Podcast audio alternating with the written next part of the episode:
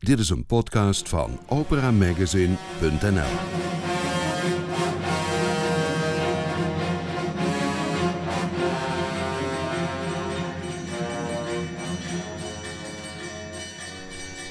Welkom in Studio Nibelheim. Hier hoort u nieuws, achtergronden en interviews over opera en lied.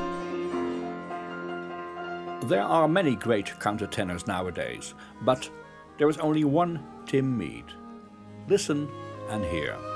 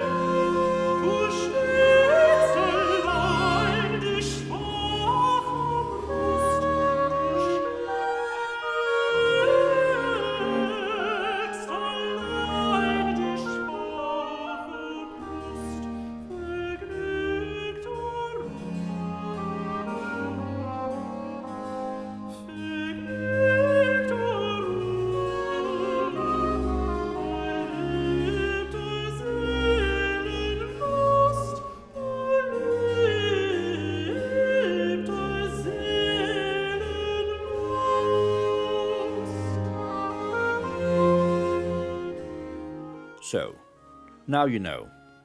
He is praised for his alluring and consistently excellent interpretations, and a critic recently noticed that his voice sounds bright and full. He concluded, even if he wanted to, he would not be able to sing ugly.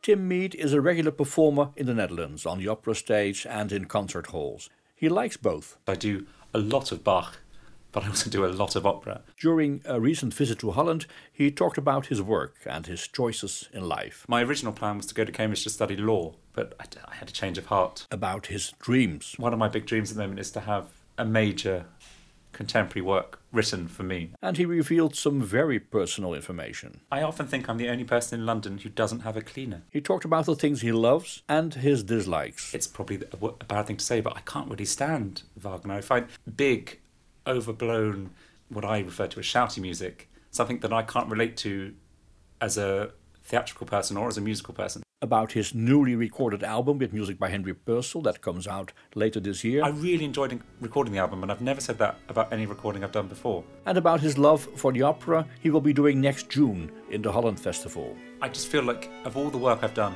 over the years, it feels like the most complete piece of work. Listen to Tim Mead talking and singing. In the first half of this year, you'll be three times in Holland. You just finished a tour with uh, Reinbert de Leeuw, Holland Baroque, and uh, St. John's Passion. Now you're here for Dido and Aeneas, and you'll be back for Written on Skin. Yes, and I was here earlier actually with the Netherlands Bach Society um, earlier in the year doing some cantatas. So it's four times. so four times, yes. So I won't ask you how's your Dutch, but um, what is it that you have learned to like about this country, and are there things that you still hate or don't understand about the Netherlands? Well, from a musical point of view, what I really love about this country is, and something I've discovered working for a long time with the Netherlands Bach Society, is the real uh, desire from the audience for all this Bach work. It's not just the passions. I mean, we have great Matthew Passion tours in this country. It's amazing, and you sing to huge audiences every night for weeks and weeks and weeks. But even the last tour I did with the Netherlands Bach Society, some you know not especially popular Bach cantatas, brilliant Bach cantatas, but not that well known, and huge appreciation and passion for them from the audience. And that makes learning these things, because it's often you learn them for the first time to do such tours, um, really worthwhile and really rewarding. Are there things you hate about this country? Oh, I don't know. I think sometimes some of the food in restaurants could have more vegetables. Well, they're listening. That might just be me, though. I counted that you sing 15 years as a professional. Almost, yeah. Yeah. Is that something you remember and you're going to celebrate? Do you know what? I felt really proud when I got to 10 years, and then the next five seemed to go really quickly. Um, I'm, you know, I think like any singer, any musician who works in a freelance capacity, you suddenly reach these milestones and you're just incredibly grateful that you've continued to work and people continue to want to work with you and want to listen to you. Um, and actually, if you think about it too hard, it's kind of unbelievable. It started all in Chelmsford, It does, you yes.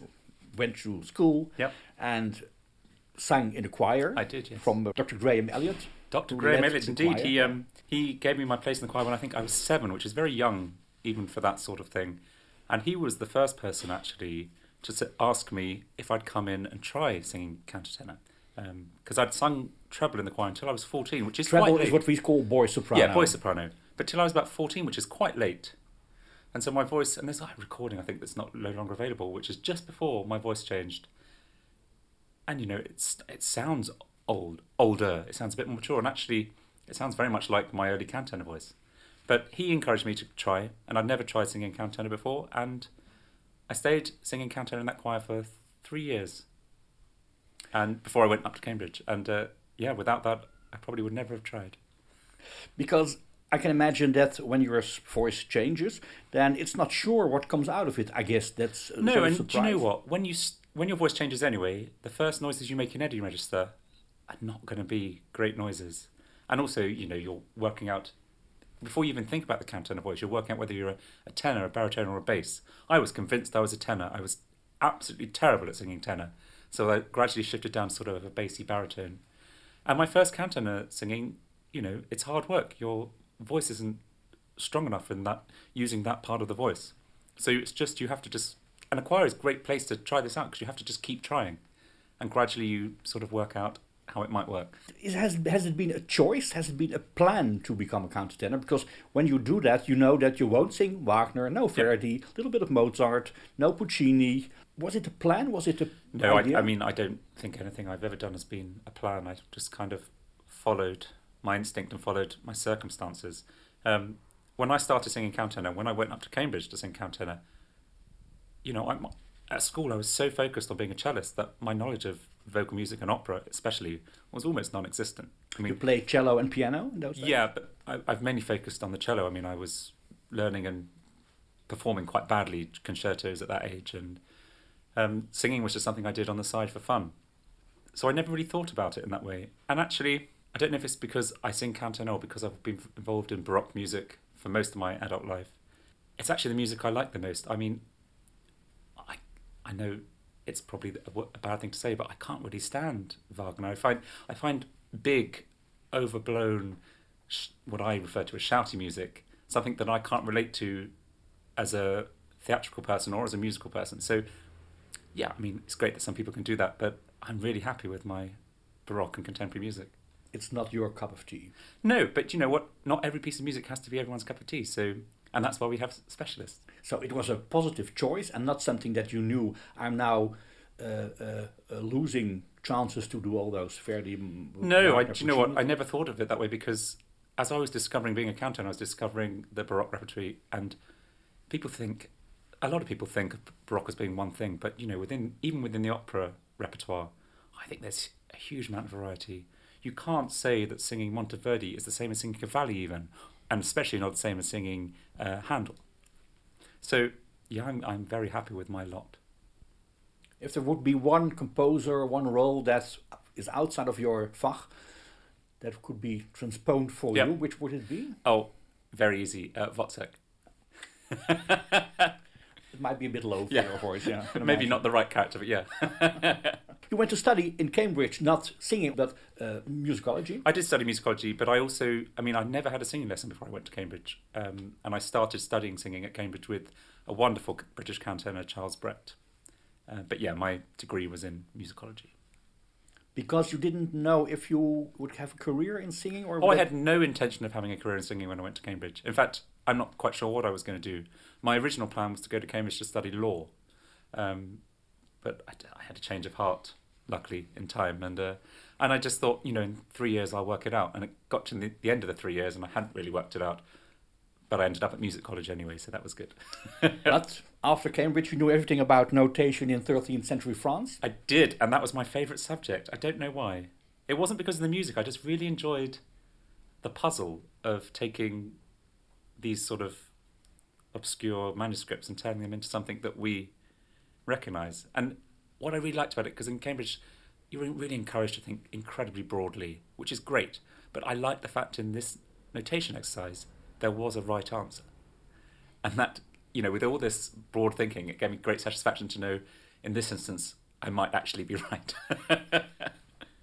which doesn't happen often in the upper world or in the it doesn't happen world. often in life anyway. you studied um, at the Royal College of Music. There, there you did uh, your, your study as a, as a singer. Um, when that ended, was there a path? How did the path develop? I mean, I was incredibly fortunate. Uh, I mean, I went to the Royal College as soon as I left Cambridge, and I studied there with the wonderful, another wonderful countertenor, Robin Blaze. And during my first year there, I was contacted by William Christie, and William Christie had just started doing his young artist program. Le Jardin des Voix. Yes, um, and at the time, I, you know, for some reason, I didn't take him up on auditioning for it. Probably a mistake in hindsight. But he then came back and asked if I would audition for Poppea, which he was doing in Lyon, with a then not quite so famous Danielle de Niese. It was from that that I, I mean, he off, I got the role as Ottone, and that happened in my second year of studies. And really, really fortunately, from then, things just started to trickle in, and I went straight from college into almost full time work, which I know makes me incredibly fortunate. Ottone is a signature role for you. Yeah, I think more often. than anything else. I mean, I've done it. I think I've done it in five productions now. Um, I don't have another one in the diary yet, but I hope to do it again soon. But it's it was a really funny role to start off with because it's so uh, so wordy. There's so much Italian, so it's great for me to work on my Italian. But it's one of those. It's not just singing melodies. You have to you have to think about something to do in every bar. You have to make infinite amount of decisions. Um, and it's a role that every time I've done, I've sort of brought it on a little more. And I think the, time is almost right to do it again, so I'll have to find one to do. Let's listen to a recording, Sure. one of the few you made, the one with uh, Le Concert d'Astrée with Emmanuelle Haïm yeah. in Lille, with Sonya Yoncheva, notably Indeed, yes. when she still was not so famous as she is now Yes, and not working all over the world. Oh, she's fantastic. Let's listen to Ottone in that production, sung by you, so people can hear how you not only sound speaking but also singing.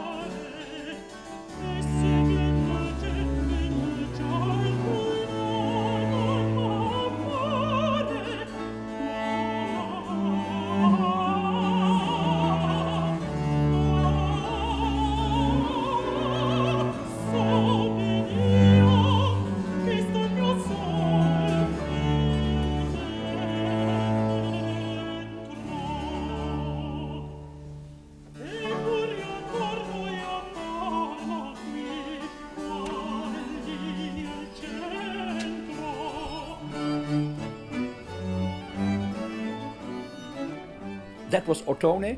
Um, let's focus on your Dutch career, so to speak, Yeah. your Dutch, uh, the things you've done in Holland. Do you remember the first time you were here? When, when was Yeah, um, well, oh, I don't want to get it wrong, but I think it was when I did Ercole Amante at the opera here. with Luca Pisaroni, Yeah. you being um, uh, Paggio Yeah. in a black yellow. Yes, I had a wonderful costume. It was very bright and uh, even wore my own glasses in it and uh, with a funny little hat. Yeah, it was it was one of those productions from David Alden that is just an outpouring of his amazing imagination and it's incredibly colourful and really suits Cavalli's amazing music as well.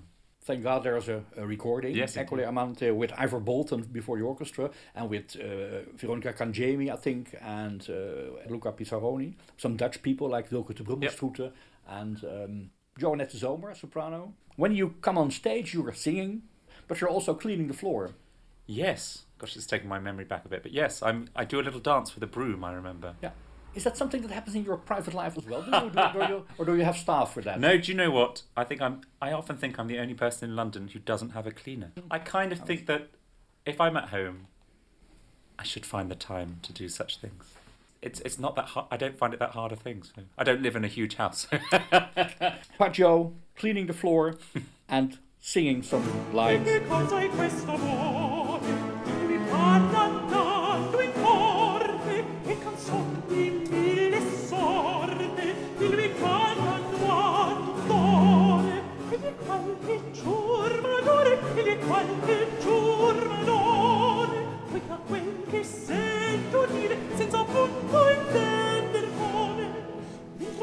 Intrasinde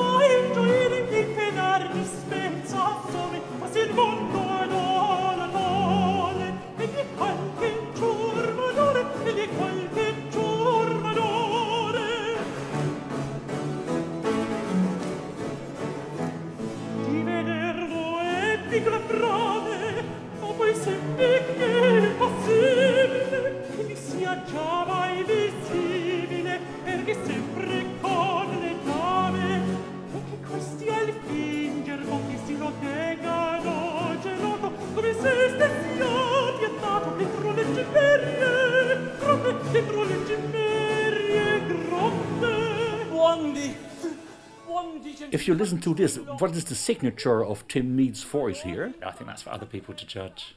What do you hear? Um, I find it hard to hear. Um, I've always, ever since I started, I tried to. Um, when I was a student, I was obsessed with Andreas Scholl because it was so beautiful. It was so beautiful, and uh, you know, it's just lovely to listen to. And then I came across David Daniels. They were sort of around at the same time, doing the same sort of thing. So I was then sort of drawn in a more overtly dramatic direction, and I've always wanted to be somewhere in the middle. Um, and I think that's reflected in the fact I do a lot of Bach, but I also do a lot of opera. And often you find countertenors go in one or the other direction. People just like different things. It's not necessarily about the voice, but it's about the personality and what they're interested in.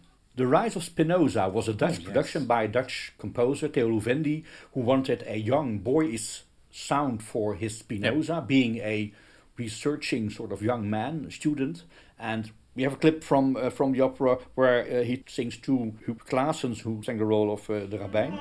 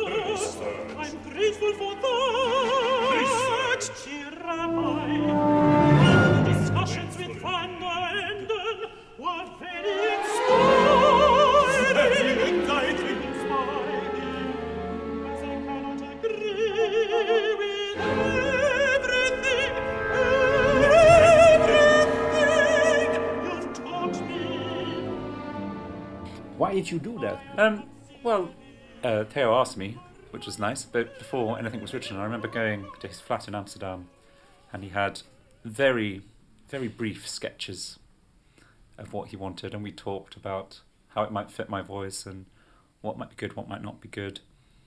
Um, it sounded like an interesting story, and actually, we then I left it with him, and actually, I didn't get the score until maybe a month before we did it. But yeah, I mean, it's always great to do new work, especially if something's been written with you in mind. Uh, it's one of one of my big dreams at the moment is to have a, a major contemporary work written for me. I mean, I've been so fortunate to have done George Benjamin's written on Skin, which, from in my mind, is one of the best operas around at the moment. Um, and although it was written for Bejun Mehta, um, me and Bejun have some similar some similar qualities. We do similar roles, even though our voices sound quite different. We have similar ranges, and I think similar taste dramatically. So we end up often in the same places. Who would you invite if you have all the money in the world and all the choices? Which composer would you invite to write for you? If you Without a shadow of doubt, George Benjamin. I mean, I think he, the way he takes a singer and he gets inside the voice and understands how that singer can operate at the absolute best to tell a story, to act a story, to be at one with the text. I think, in in my knowledge, is, is unsurpassed today. I mean, he his treatment of text is is very important. The um, you're delivering text, and one of the one of the barriers in opera sometimes is that we're getting productions which are more and more realistic, and we want to act like we're in theatre or in movies, or you know, with that sort of spontaneity, that sort of flow. But music isn't like speech. But with George, it can be very close. We'll come back to Written on Skin because Yes. that's on the planning for you uh, in this country in June. Short about the, one of the milestones is recording with the Bachvereniging uh, uh, St. Matthew's Passion. Yes, that was some Um, time ago. Yeah. And because it's all of Bach, they're recording everything Bach Yeah. composed. Uh, and in all of Bach, you are the one who's singing the alto solo in, for instance, Erbarme dich, Yes. which will reach, I guess, a broad audience. Well, yes, I actually did a quick look on YouTube the other day, and uh, yes, it's the most viewed clip I've ever made. I Um, remember 50,000 or something like that. something like that, which I think you know is quite respectable. Very, yeah, yeah.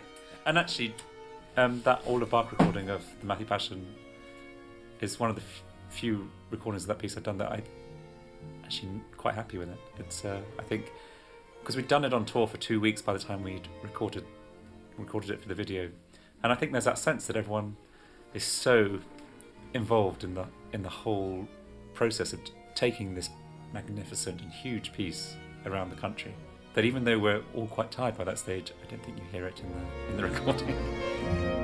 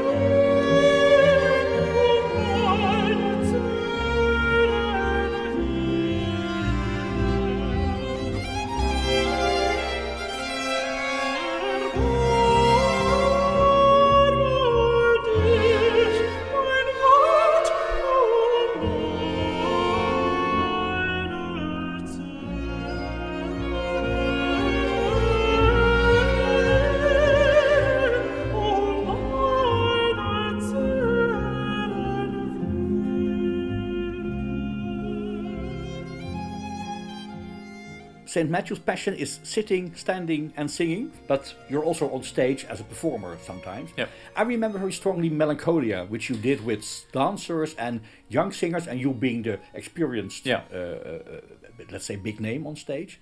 Very impressive. Yeah, that was a that was an interesting project because I remember being invited to Basel, where the where the production originated, for a, for a meeting, and Andrea Marcon was there, and the director was there, and he just had this very, very vague idea about what it might be, and it was they they wanted to use Dowland, they wanted to use Purcell, um, and a very small group of players on the theme of melancholy and how that relates to young people obsessed with technology. So it could have been anything, and it, you know, all the way through the production process, it still could have been anything, and we came up with something in the end that was, well, certainly something unlike anything I've ever done before. And the young guys in it were amazing. Uh, you know, they worked so hard. I'm not sure we always quite knew where we were going to end up, but we ended up somewhere, and there was amazing music to go with it. U luistert naar Studio Nibelheim.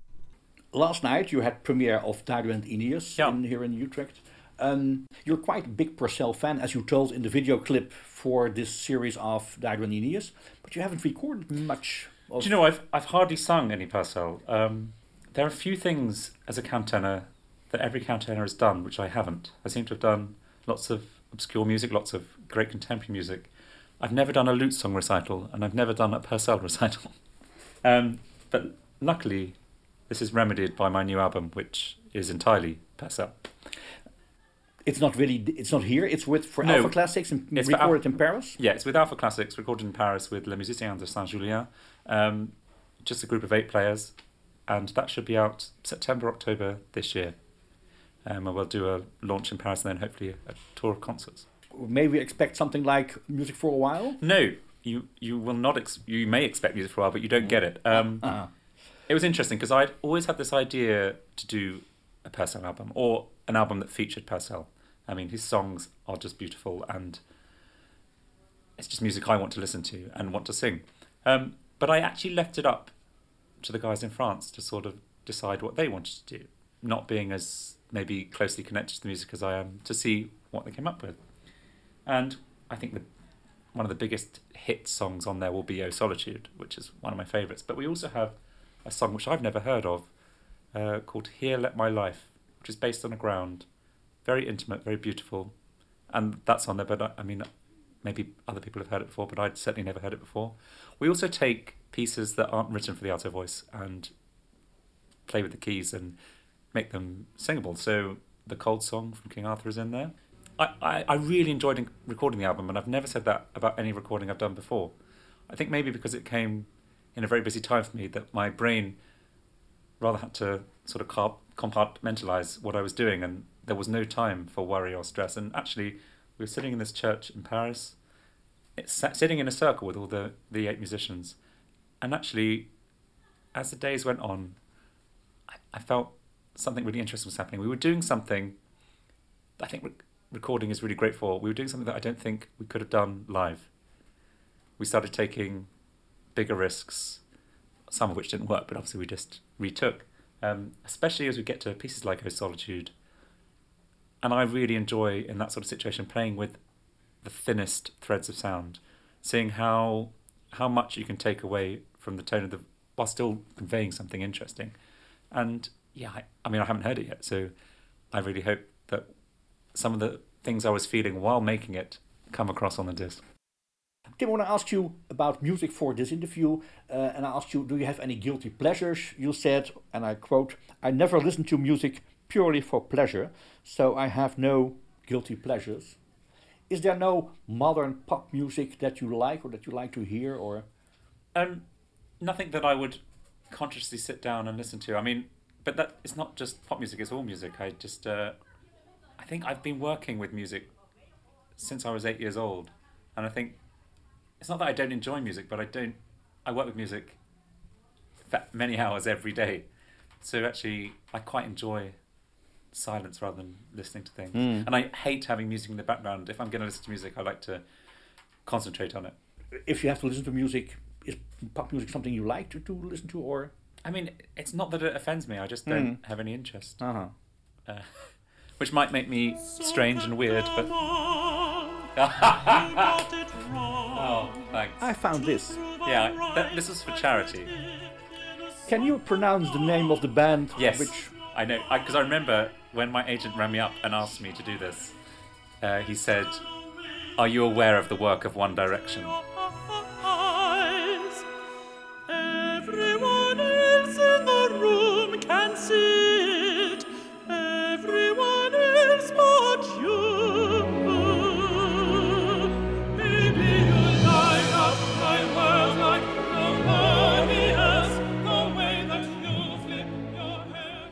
It's not like I go through life with my eyes and ears closed. I know exactly who they are. But uh, yeah, that was a fun thing to do. But very exceptional for someone like you, I guess. Well, it was there. I mean, they'd done one the year before with my old teacher on uh, Justin Bieber's song, and they said, "Oh, we have this idea to do like a sort of boy band, operatic boy band version." And you know, it was a day at studios in the BBC, and it was lots of fun, and hopefully it made a little bit of money for a very good cause. For good course, yeah. Benjamin Appl was also on that recording. Yes, he I was, remember. yeah. yeah, yeah. Now being as a solo singer Yeah. and as a lead singer, very popular all over the world. He's great on it as well because he's uh, he's he with his wonderfully accent German accented English. I think it's. I mean, it's supposed to be a bit of fun, and it really is. You'll be back in Holland for Written on Skin, a very special production directed in Amsterdam and in London as well by Katie Mitchell, whose concept is based for this production I read somewhere. Yeah. So the production we'll do at the Holland Festival is a semi-staged concert version, uh, directed by Benjamin Davis, who was one of the uh, assistant directors with Katie on the original production. So the way we tell the story is very much based in all of Katie's incredible work, but it's a, rather more static. I think I'm right in saying that everyone who is performing in it has done the staged version at some point. So we're all coming from a, a point of really being immersed in what this production means. You've done it three, four times, I guess. Oh. Maybe more. I first did it in Toulouse, and then uh, we did it in New York, Bolshoi? the Bolshoi. You know this better than me. And I've also done a concert staging in Lisbon, and we did a tour with the Mahler Chamber Orchestra, um, which was also directed by Benjamin Davis. Short clip, that's just to get Yeah. an idea. Well, that's a promotional video on YouTube from the Holland Festival.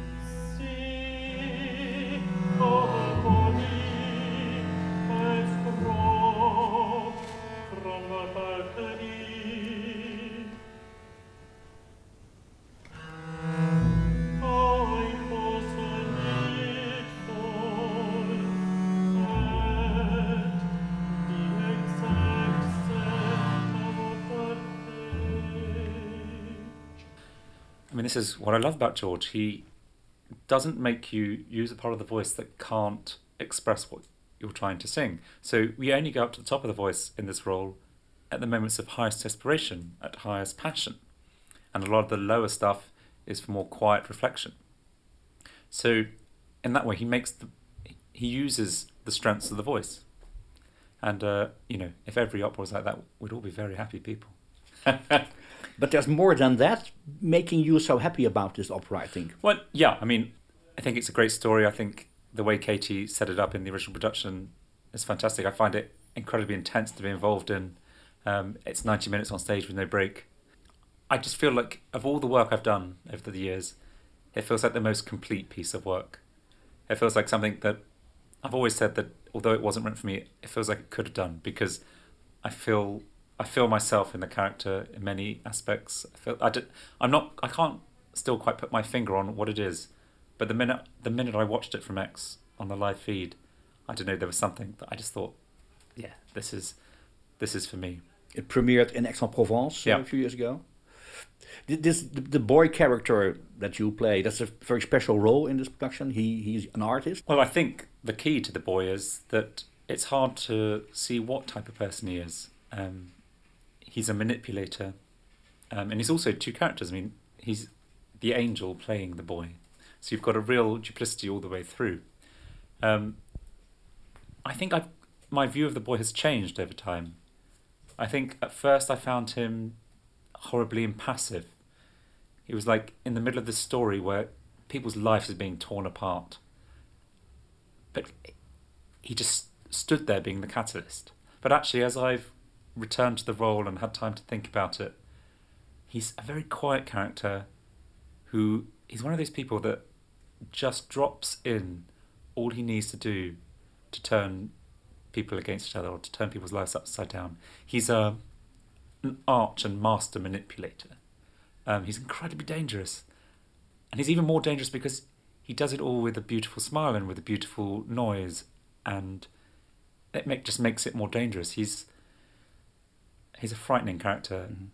It's been incredibly cleverly done because I think in the audience you listen to him and you watch him and you understand why Agnes falls in love with him. You know, he, he comes in and he, he just sings these most beautiful things to her, even though somewhere she knows this can't end well for her. As we were talking about Wagner earlier, I don't really like big, overblown, dramatic expression. I, I don't. That doesn't appeal to me as an artist. Um, I think it again ties into the Purcell song, saying this very intimate, uh, where you can tell people small things, but they can mean a huge amount, and you draw people in, and you make them listen, and you make them feel. You don't throw it all in their face. Bit of a pity that in his new production, Songs of Love and Hate, Yeah. there is no countertenor. No, um, and I know from George that's a deliberate decision, because George wrote this amazing song cycle as well called Dream of the Song, which I'm very fortunate to be uh, singing in Paris in a few seasons' time. Um, and I think George felt that maybe he was becoming too closely associated with one voice. Um, I'm sure he'll return to writing stuff for us, but uh, yeah, we can't be in everything. And maybe George listens to your advice and writes something special for you. I think George knows what he wants to write. I mean, he's a he's an incredibly special musician and artist, uh, and you know, if he ever does write something with me in mind, I will be the most grateful singer in the world. Big stars have riders, a list of things Oh, they want in their dressing room. Do you have a rider? No, What would be on it if you could make what would a be on my rider rider in my dressing room? To make you as comfortable as possible in your terms for performing. Do you know what? I think in that regard, I'm quite a low maintenance artist. Um, as long as I've got a decent meal in my belly and some water, I think I'm good to go. I think, I think as artists we need to be, we need to look after ourselves, but I don't think we need to be as precious and demanding as sometimes we might. So the idea is Tim Mead, feed him, give him a proper situation and great music. Isn't that all we need? And a great audience to sing to. I don't think you really need any more than that. And actually, it's when, when everyone is being relaxed and decent human beings, we can make some great noises. Tim Mead, thank you so much Thank for you your so time. much. It's been very good to talk to you.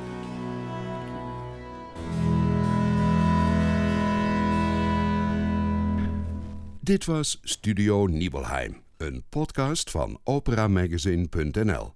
Productie François van den Anker. Kijk voor al het opera nieuws op www.operamagazine.nl.